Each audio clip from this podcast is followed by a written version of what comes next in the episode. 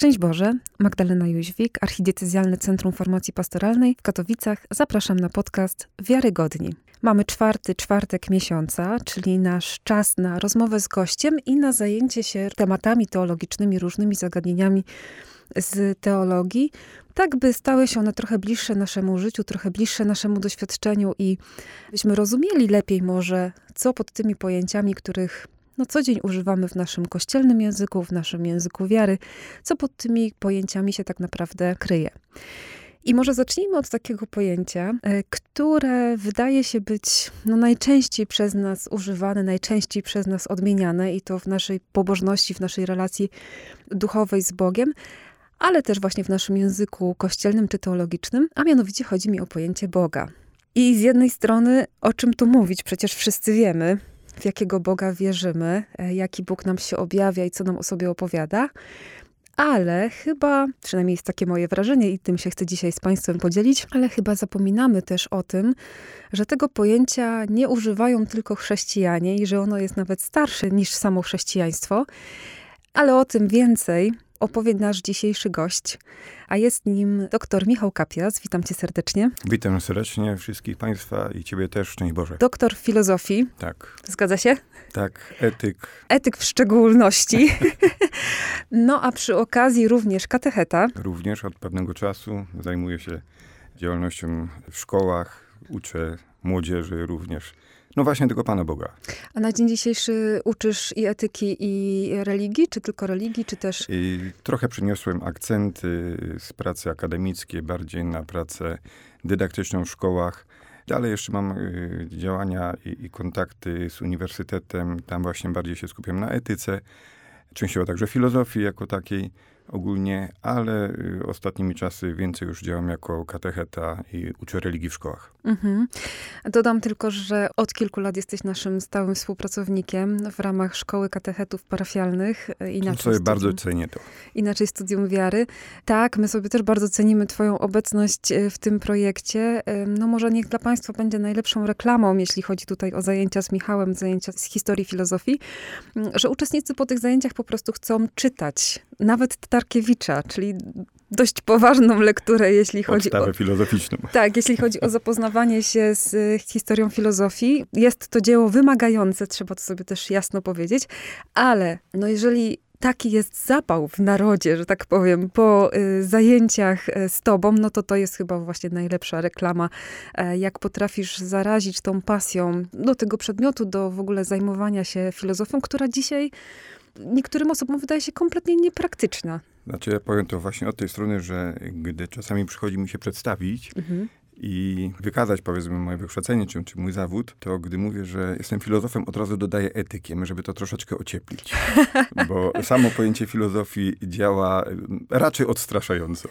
I co? I ta etyka dodaje trochę takiego rzeczywiście ocieplenia? I myślę, że tak, bo tak jak mówię, filozofia działa odstraszająco, a potem ta etyka brzmi tak już bardziej łagodnie i mówię, aha, etyk, no to jeszcze, to jeszcze ujdzie, to jeszcze jakoś, jakoś przełkniemy a potem dopiero muszę wyjaśnić, o, to, o co w tym wszystkim chodzi. Mm-hmm. A ponieważ właśnie znamy się z tego projektu Szkoła Katechetów Parafialnych i znam cię jako wykładowcę filozofii, no to chciałabym, żebyśmy właśnie w tą naszą rozmowę o Bogu y, zorientowali bardziej filozoficznie. I to też ma swój kontekst i tutaj tym razem ja się podzielę swoim doświadczeniem dydaktycznym. Gdy pytam słuchaczy na zajęciach, jakie mają skojarzenia ze słowem Bóg, to najczęściej mają biblijne skojarzenia. Jednak. No to jest akurat też dobre, tak, bo pytam ludzi wierzących na zajęciach o wierze, więc jakby mamy tutaj dobry kontekst. No, najczęściej padają słowa, że Bóg jest miłością, że Bóg jest ojcem, że Bóg jest stwórcą. Natomiast później, gdy w toku zajęć różne rzeczy sobie o Bogu omawiamy, no to się okazuje, że trochę nam tej płaszczyzny filozoficznej brakuje, że to gdzieś nie wychodzi nam jakoś tak mm, naturalnie i kiedy dochodzimy do różnych kwestii związanych mm, z tym, co to znaczy być Bogiem w ogóle, to tutaj zaczynają się schody. No i chciałabym, żebyśmy od tego zaczęli. Kiedy filozof słyszy Bóg, to co słyszy? No właśnie, może zacznę od tego, dlaczego takie skojarzenia na początku biblijne.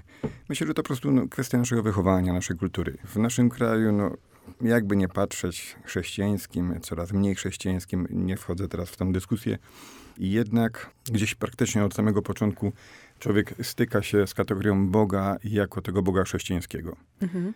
I myślę, że to jest dobre, no to to jest normalne od praktycznie wieków. W ten sposób kategoria Boga jest kształtowana w naszym kraju. Niemniej, gdy filozof słyszy kategorię Bóg, to nie ma już takiego jednoznacznego skojarzenia. Tak jak zostało to powiedziane, przecież to pojęcie jest dużo starsze od samego chrześcijaństwa. Chociaż powiedziałbym, samo słowo Bóg bardziej bym przyłożył do kategorii teologicznej, aniżeli mhm. filozoficznej. Filozof raczej będzie mówił absolut, transcendens, pierwsza przyczyna, to co było na początku. Nieco innych kategorii będzie używał.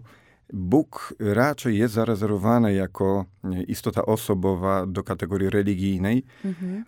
chociaż w pewnych momentach jedno z drugim się gdzieś tam e, styka. Gdy mówimy o Bogu w kategoriach filozoficznych, to mówimy raczej o istocie, która będzie jakimś prapoczątkiem. Mhm. I tych kategorii gdzieś tam u zarania refleksji filozoficznej było wiele i bardzo się ze sobą różnicowały. Na przykład? Na przykład mógł to być jakiś, jakaś siła, mm, jakaś myśl, jakiś nus, jakiś logos, bo te y, pojęcia będą tutaj różne i też y, charakterystyka będzie ich różna. Chociażby wspomniany przeze mnie logos przecież istnieje także na gruncie mm, rozważań religijnych. Święty Jan pisze przecież o logosie w swoim prologu do Ewangelii. A jednak logos filozoficzny praktycznie w każdym niemalże systemie będzie znaczył co innego. Mhm. U Heraklita jest chociażby to doskonały rozum, który zarządza całokształtem rzeczy, zarządza wszystkim, co istnieje, gdzie u Heraklita w jego systemie mamy ciągłą zmienność, wielorakość i tymi zmianami właśnie ów logos zarządza. Mhm. W innych systemach będzie sugerował jakiś prapoczątek, będzie sugerował coś, może nawet nie kogoś, ale coś, co stwarza jakieś wyjściowe materiały, będzie utożsamiany z jakimiś czterema żywiołami, będzie utożsamiany z siłą, która tym wszystkim kieruje. Więc brak tutaj jakby na samym początku takiej wizji istoty rozumnej w znaczeniu istoty osobowej. Mhm. Czyli tutaj mówimy raczej o jakiejś sile, tak? Czy jakimś po prostu, jakiejś energii, tak? Energii, tak. Może to być, bądź po prostu jakaś, jakiś punkt wyjściowy, jakiś początek, z, z czego wszystko bierze E, swoje istnienie. Mhm. Czyli przekładając to trochę na to nasze wyobrażenie Boga, tutaj po prostu wychodzimy z tych kategorii osobowych. Ten Bóg filozofów, bo tutaj słyszę, że odwołujesz się do starożytnej filozofii, tak, bo tutaj to jest ten, ten kontekst. Z tym Bogiem nie można porozmawiać. Raczej Dobrze nie. Myślę? Ja bym tutaj na pewnym drugim planie widział kontekst bogów mitologicznych. Mhm. Tu już trochę czym wchodzimy... Się, właśnie, czym się różni e, ta koncepcja tej pierwszej przyczyny energii tego kogoś, kto, kogoś, czegoś, co daje początek wszystkiemu, od tej koncepcji mitologicznej. Mitologia, jak sama nazwa tu wskazuje, mamy do czynienia z mitami, czyli z pewnymi opowieściami, które bardziej czy mniej mogą być y, prawdziwe czy prawdopodobne, ale raczej bardziej zbliżają się do takich opowieści mm, pouczających, dydaktycznych. Gdy mówimy tutaj raczej o pojęciu filozoficznym Boga, czy tej praprzyczyny, to mówimy bardziej o refleksji naukowej. Mhm. Różnica polegałaby na tym, że nauka musi spełniać te kryteria obiektywności, uniwersalności, ogólności. Z kolei mit może być bardzo subiektywny. Gdzieś ktoś kiedyś stworzył taki mit i on gdzieś pokutuje w przestrzeni publicznej. To byłaby pierwsza taka zasadnicza różnica między wizją Boga mitologicznego jako no, w zasadzie takiej postaci dosyć subiektywizowanej, a Boga, czy raczej transcendensu filozoficznego, który próbuje być ujęty w sposób bardziej obiektywny i uniwersalny. Mhm. Czyli chyba można by było powiedzieć, że filozofia próbuje rozumowo dojść do tego, skąd to się wszystko wzięło i jak to wszystko działa i od kogo to pochodzi. Natomiast mitologia próbuje trochę tłumaczyć zjawiska, trochę jest dydaktyczna też, tak, bo ma nas gdzieś tak. E, pouczać, natomiast nie idzie tym dyskursem takim naukowym, tak, to znaczy rozumowym, tak Bardziej tutaj ma to taki charakter dydaktyczny, taki wyjaśniający trochę nam świat, ale bardziej taki obrazowy, o, w tym, w tym kierunku. Gdy wchodzimy, powiedzmy, w początki filozofii, czyli gdzieś tam, powiedzmy, pięć wieków przed Chrystusem, e, gdy ona się pojawia, od samego początku jest ona zdecydowanie elitarna dla mhm. wybranych jednostek. Gdy mówimy o mitologii, mówimy raczej o pewnej przestrzeni publicznej, społecznej, ogólnej. Czyli taka tak kultura, kultura wysoka i popkultura. Wielkie y, to uproszczenie, ale może, można by to tak nazwać, jak najbardziej. Jeśli mówimy właśnie o filozofii, to mówimy także o czymś, tak jak wspomniałem, indywidualnym, albowiem filozofia była dla wybranych jednostek. Mhm. Dopiero gdzieś powiedzmy koło trzeciego wieku staje się ona bardziej uniwersalna, bardziej rozpowszechniona. Y, no, wchodzi de facto w pewnym momencie, że tak powiem, na podwórko religii. Mhm. Mitologia mniej więcej około III wieku zaczyna tracić swoje znaczenie. Co to znaczy, że filozofia wchodzi na podwórko religii? Odwołując się tu do wydarzeń już historycznych, jeśli wskazać na postać Aleksandra Wielkiego, jego podboje, niemalże połowy świata ówczesnego, y, doprowadziły do tego, że myśl filozoficzna, która jest to bardzo specyficzne, ukonstytuowała się wyłącznie w starożytnej Grecji, tam był mhm. początek tej filozofii, nawet jeśli się wskazuje dzisiaj jakieś inne konteksty, blisko czy daleko wschodnie, to trudno nazwać to filozofią. To były raczej systemy światopoglądowe, społeczne, polityczne, ideologiczne, ale nie filozofia. Filozofia jako nauka, mówię, ukonstytuowała się w starożytnej Grecji i tam się rozwijała. Była w jakiejś mierze włączona w tą całą kulturę grecką, e, heleńską, i właśnie po podbojach Aleksandra Wielkiego ta kultura heleńska zamienia się w helenistyczną. Grecy nagle odczuwają napływ innych y, myśli, innych koncepcji, innych idei, przede wszystkim właśnie wschodnich. Okazuje się, że to już nie ten jeden, jedyny Zeus, ale mogą być jeszcze inne bóstwa mhm. porównywalne z Zeusem. I dzięki temu, tak jak wspomniałem, ta mitologia trochę traci na znaczeniu. Mhm. Y, ludzie tracą jakby punkt odniesienia i wykorzystuje to właśnie filozofia. Ona przyjmuje tą pałeczkę religii, ona wchodzi, tak jak powiedziałem, w życie społeczne, w życie publiczne, w życie indywidualne. Ona staje się jakby y, namiastką tego wszystkiego, co dawała dotychczas religia ta mitologiczna grecka. Pojawia się wtedy właśnie to słynne pytanie, jak żyć tu właśnie wchodzimy w etykę. Mhm. Powiedziałbym właśnie, że w szczególności etyka zastępuje y, potrzeby religijne, mm, bo te y, pytania, które gdzieś na kanwie wierzeń, na kanwie religijnej się pojawiały, teraz stawia etyka. Jak żyć, co zrobić, aby właściwie te swoje życie ziemskie przeżyć, a potem dalej, co zrobić, aby osiągnąć jakąś postać życia wiecznego. Bo proszę pamiętać, że jednak te wierzenia o życiu wiecznym w starożytności dosyć radykalnie różniły się od tego, jak my dzisiaj to widzimy w kontekście chrześcijaństwa. No na przykład, jak, jak postrzegali starożytni życie wieczne? No chociażby odwołując się do znanej wszystkim mitologii greckiej, mamy tutaj koncepcję Hadesu, mhm. a więc krainy cieni, gdzie trudno tu mówić o życiu czy o śmierci w sposób jednoznaczny. Dusze snują się tam w ciemności, w mroku i w zasadzie nie ma tam większego celu, nie ma tam jakiegoś sensu. Po prostu skończyło się życie ziemskie i teraz reszta wieczności jest jakąś formą wegetacji nieokreślonej. Czyli całe nasze życie, istnienie sprowadza się tylko do tego wymiaru ziemskiego, tak? Tutaj, jeżeli to swoje życie przeżyjesz najlepiej, no to masz coś z tego, jeżeli nie, no tak. to po śmierci już cię nic, nic lepszego nie spotka. Dokładnie. No chyba, że y, jeśli rzeczywiście byłeś y, bardzo niedobrym człowiekiem, no to czeka cię tartar, czyli wieczne męki i wieczne, wieczne cierpienia. Nie mogę się powstrzymać od tego, byśmy trochę nie spróbowali jednak tej koncepcji takiej starożytnej przełożyć na nasz dzisiejszy świat, na nasze dzisiejsze kulturowo rozłożone akcenty. Zróbmy sobie taką drobną dygresję.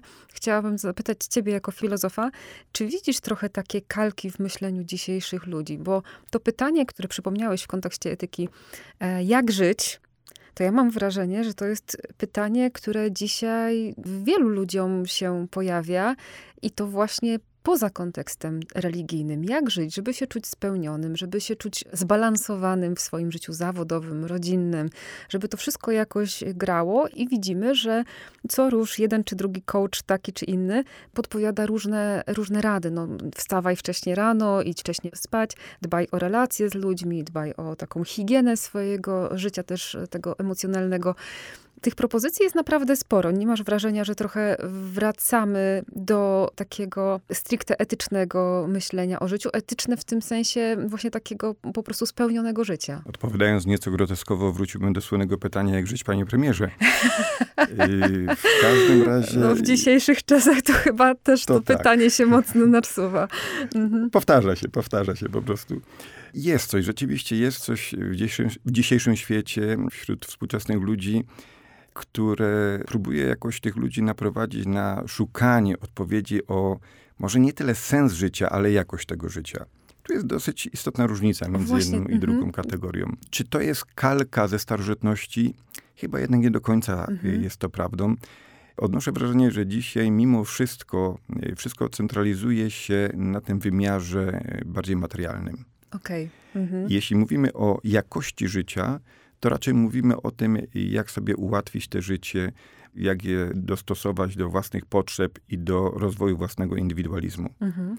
No, człowiek jest ponoć z natury leniwym, czego dowodem jest stworzenie windy zamiast schodów.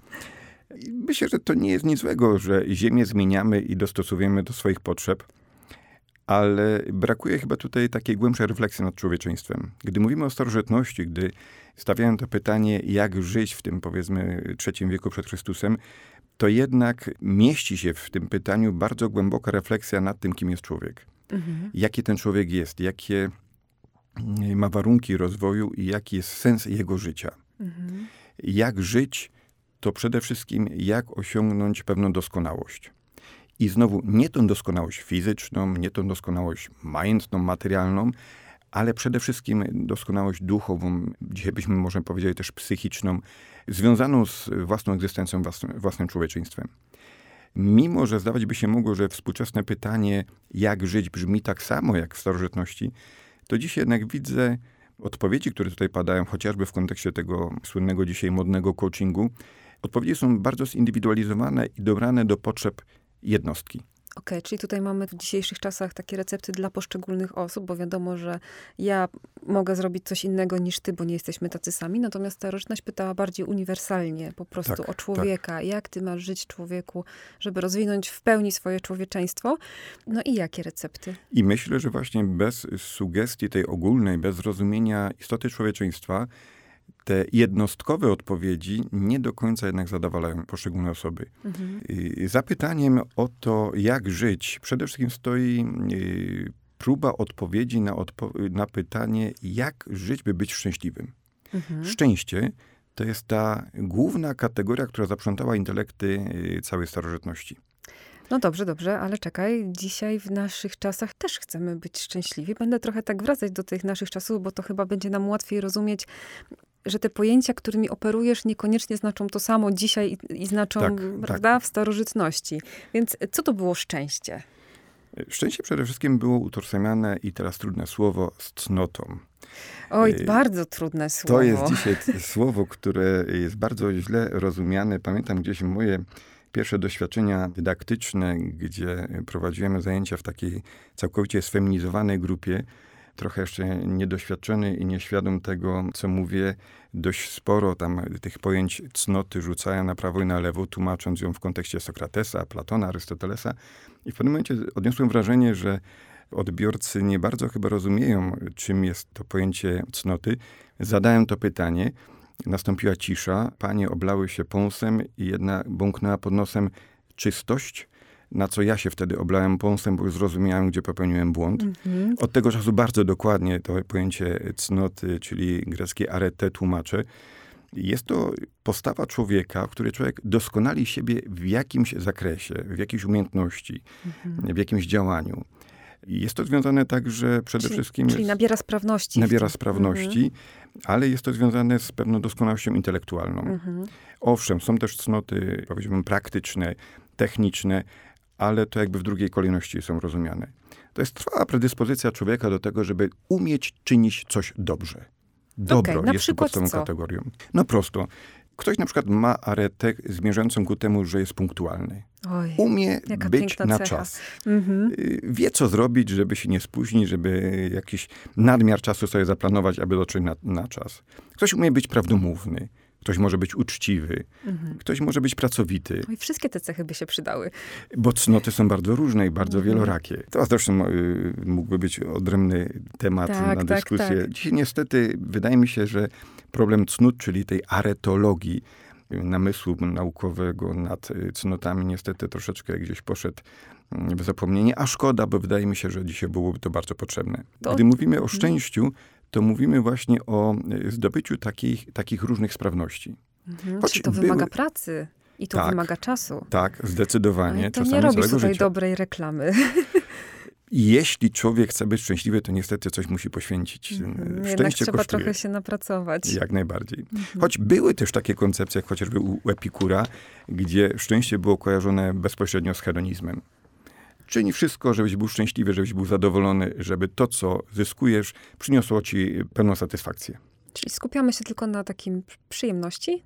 Na I tym? myślę, że ta kategoria dzisiaj niestety właśnie powraca. Ilekroć gdzieś z moimi studentami czy uczniami robiłem taki namysł nad różnymi koncepcjami cnót w starożytności i wynikającym z tego koncepcją szczęścia, bo przeciwwagą do Epikura byłaby chociażby szkoła stoicka, gdzie właśnie było pewne opanowanie, gdzie był pewien namysł nad światem i zharmonizowanie się z naturą tego świata.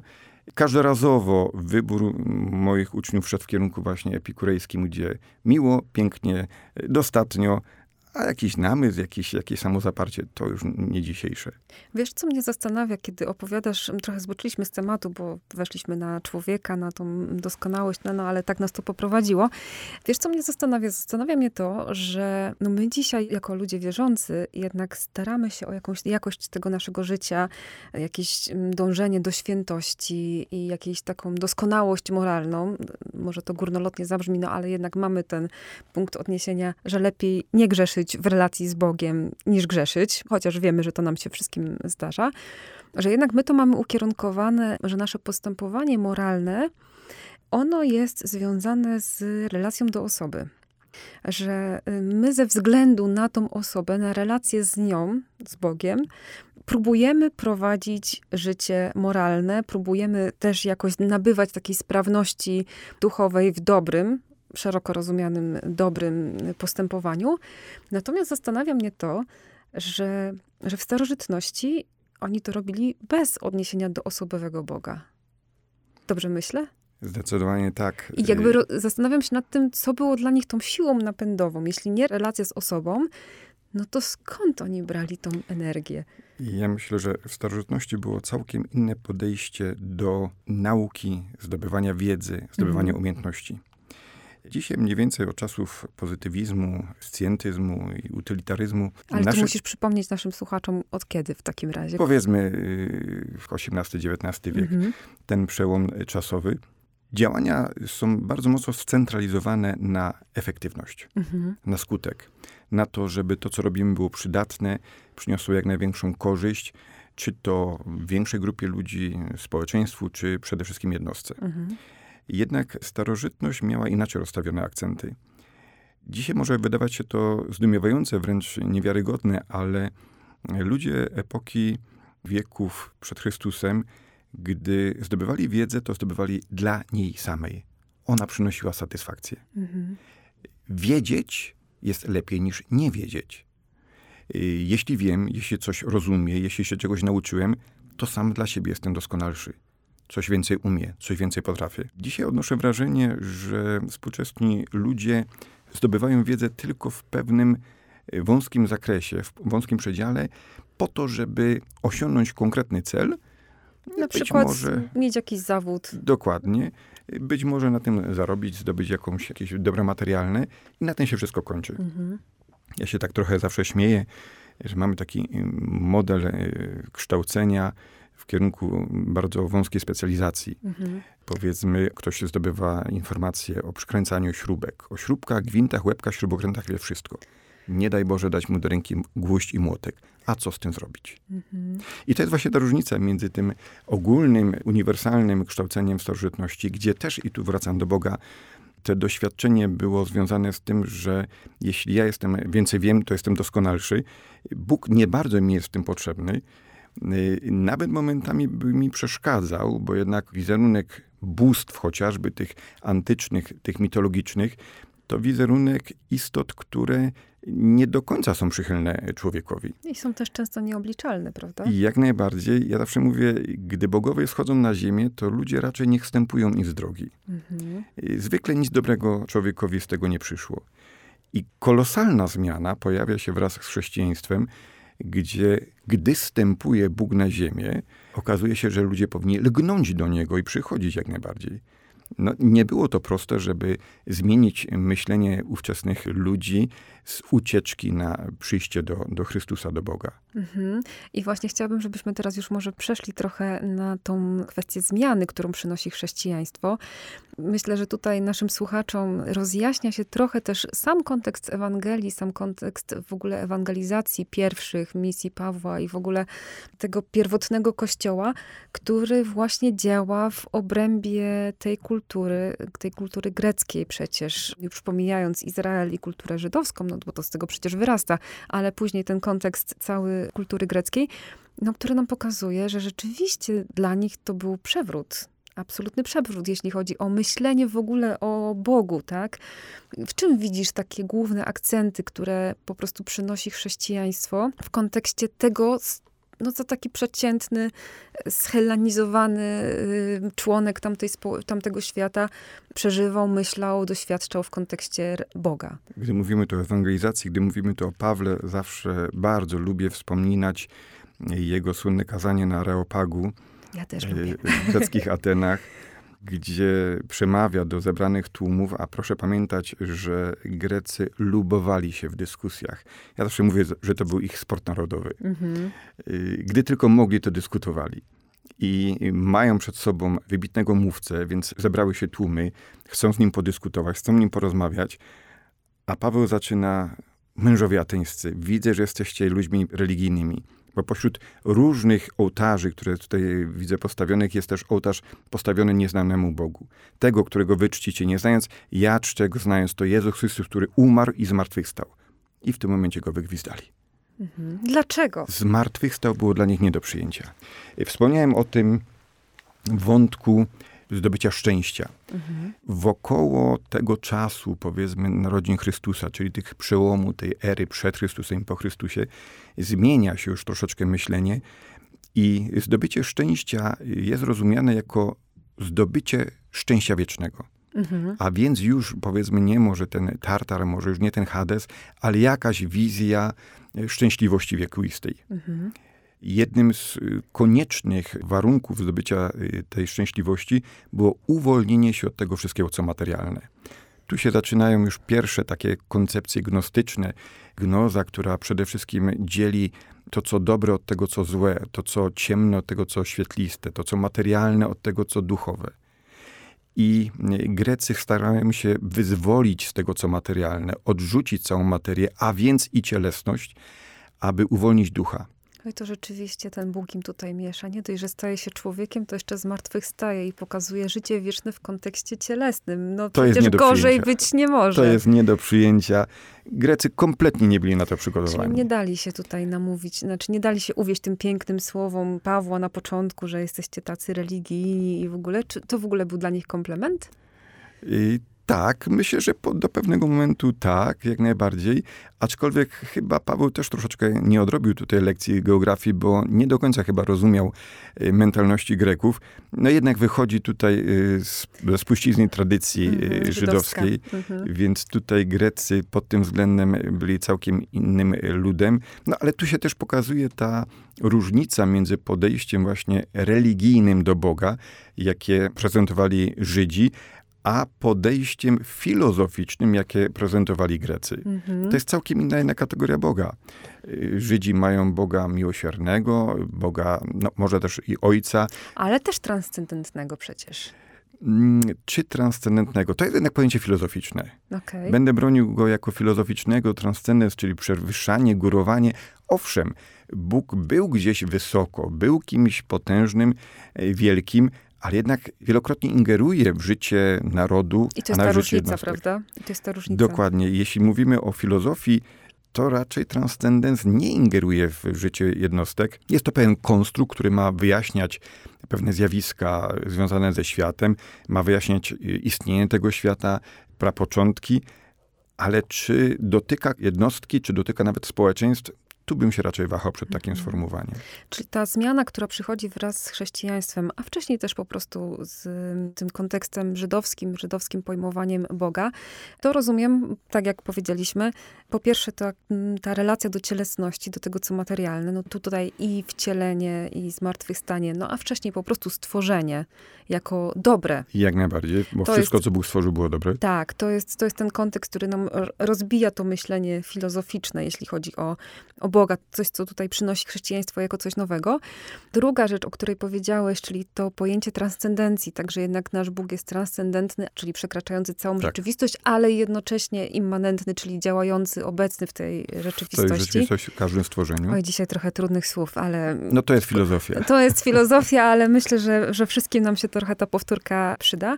Jest coś jeszcze, co się zmienia. I zwróciłbym jeszcze tutaj uwagę na to pojęcie logosu. Mhm. Tak jak powiedziałem, jest to pojęcie typowo filozoficzne, greckie. Logos y, jako słowo, no to powiedzmy słownikowe tłumaczenie, ale w różnych systemach ten logos przyjmuje różną postać. Mhm. Wspomniałem tutaj o Heraklicie, o jego koncepcji rozumu uniwersalnego, y, zarządzającego całym światem, ale y, właśnie wchodząc w czasy bliższe Chrystusowi, logos staje się pewną uosobioną postacią. Mhm. Filon Aleksandryjski, postać właśnie z przełomu R, który z pochodzenia był Żydem, a z miejsca życia, zamieszkania był Aleksandryjczykiem, Czyli Żydem w diasporze. diasporze jak najbardziej, i łączy jako pierwsze te dwa wątki, wizję Boga tego żydowskiego, jako opiekuna, jako bliskiego, miłosiernego, z tą wizją Boga transcendentnego, prapoczątku, pierwszej przyczyny, pełnej mocy. I co mu z tego wychodzi? I gdy, gdy zaczyna się nad tym tak zastanawiać, wychodzi mu to, że ten świat nie bardzo pasuje do możliwości Boga miłosiernego. Ten świat po prostu nie może powstawać od Boga, który jest pełną dobrocią, bo w tym świecie jest zbyt dużo zła. Mhm, różne koncepcje. Brakuje tu pewnego pośrednika. mhm, Odwołał się do starożytnych platońskich idei, które miałyby być takim pośrednikiem. Czy te idee pochodzą od tego Boga, czy raczej transcendensu, czy też te idee istnieją y, jakby poza nim. Nie do końca go te rozwiązania satysfakcjonowały. Zaczął myśleć o pewnych istotach duchowych, bóstwa, bogowie, może aniołowie, może jakieś właśnie istoty duchowe, ale i tu nie znalazł ostatecznej odpowiedzi. Wreszcie znalazł. Logos. mhm. Logos byłby tym pośrednikiem, który pochodzi bezpośrednio od Boga, a zarazem dotyka tego świata. I tu ta kategoria coraz bardziej została rozwinięta aż do sformułowania, iż Logos jest Synem Bożym. Mhm.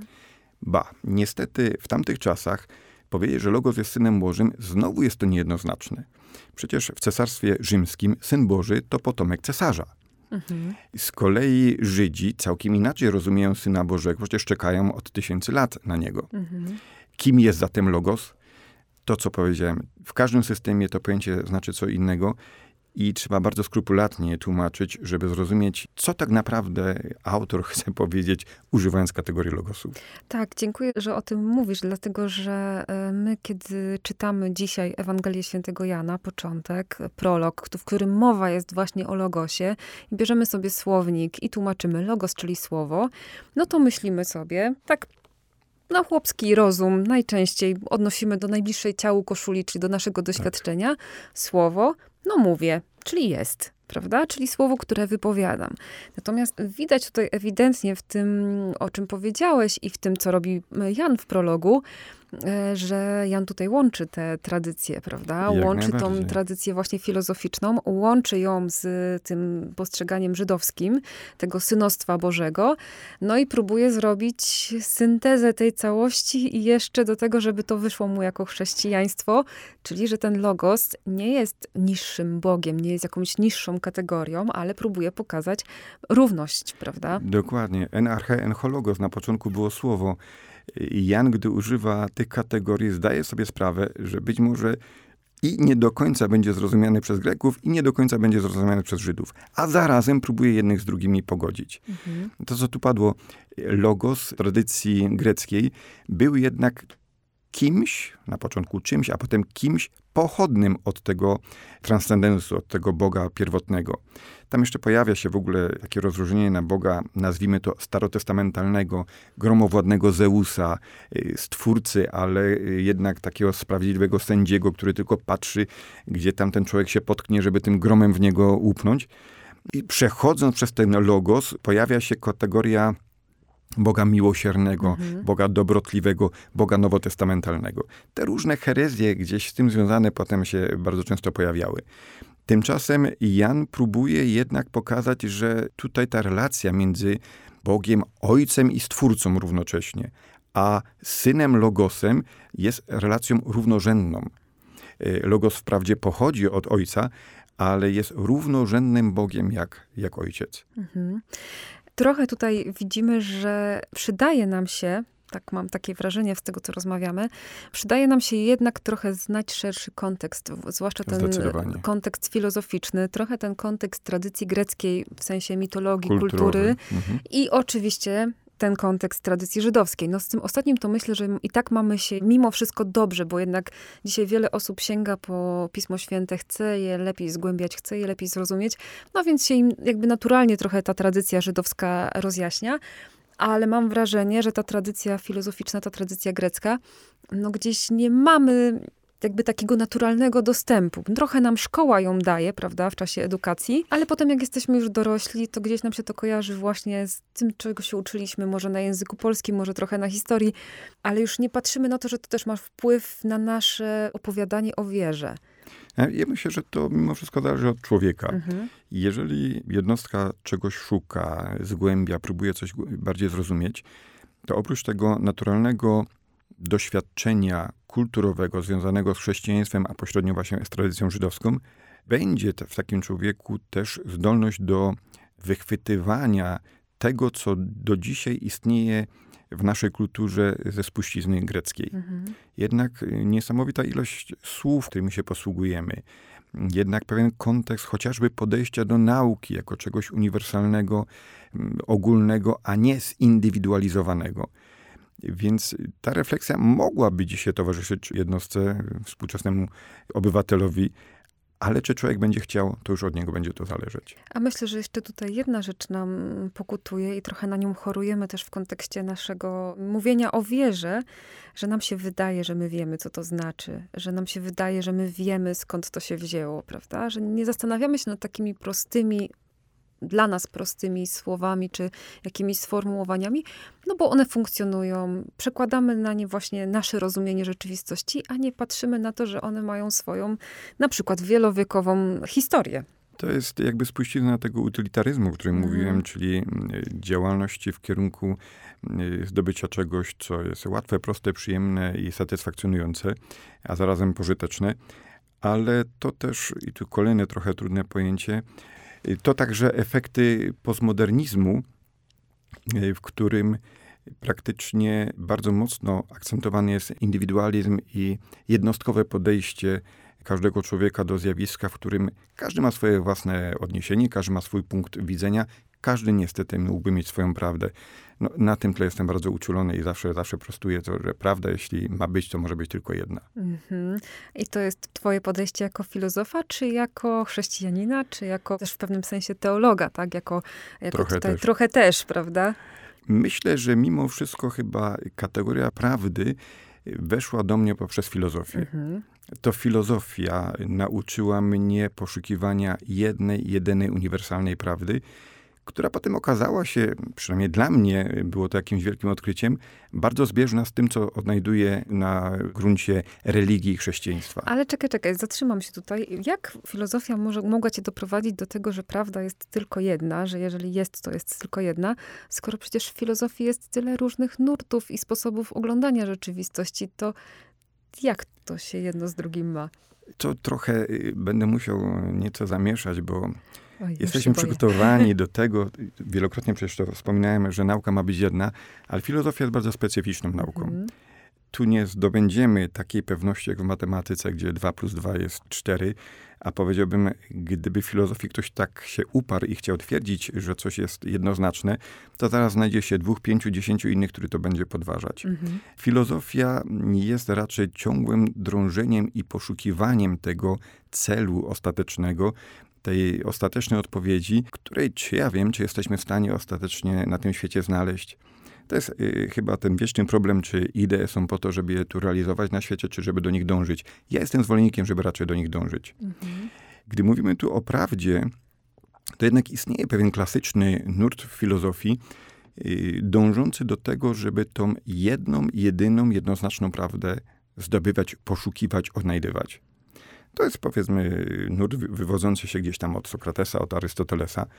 On nie zaniknął, on do dzisiaj gdzieś istnieje w różnych odmianach, w mhm. różnych współczesnych też wariantach, gdzie na przedłużeniu takiej postawy istnieje cały wachlarz różnego rodzaju koncepcji, sugerujących, że prawd jest wiele, że każdy ma indywidualną prawdę, a być może nawet, że prawda w ogóle nie istnieje. Mhm. Jeśli miałaby nie istnieć, to od razu bym zadał pytanie, to co miałoby nie istnieć? Jeśli ktoś odpowie, okay. to już tworzy prawdę. Okej. Okay. Wow. To są właśnie te uroki rozmowy z filozofem. A teraz akurat pozostałeś po Augustynie. Natomiast, y, czyli ta prawda to jest po prostu jeden pogląd na rzeczywistość, ale w sensie chodzi mi o taki ostateczny, wyjaśniający wszystko, co jest. Trochę bałbym się użyć tutaj sformułowania pogląd, mhm. Y, bo w swojej istocie raczej on brzmi dosyć indywidualnie.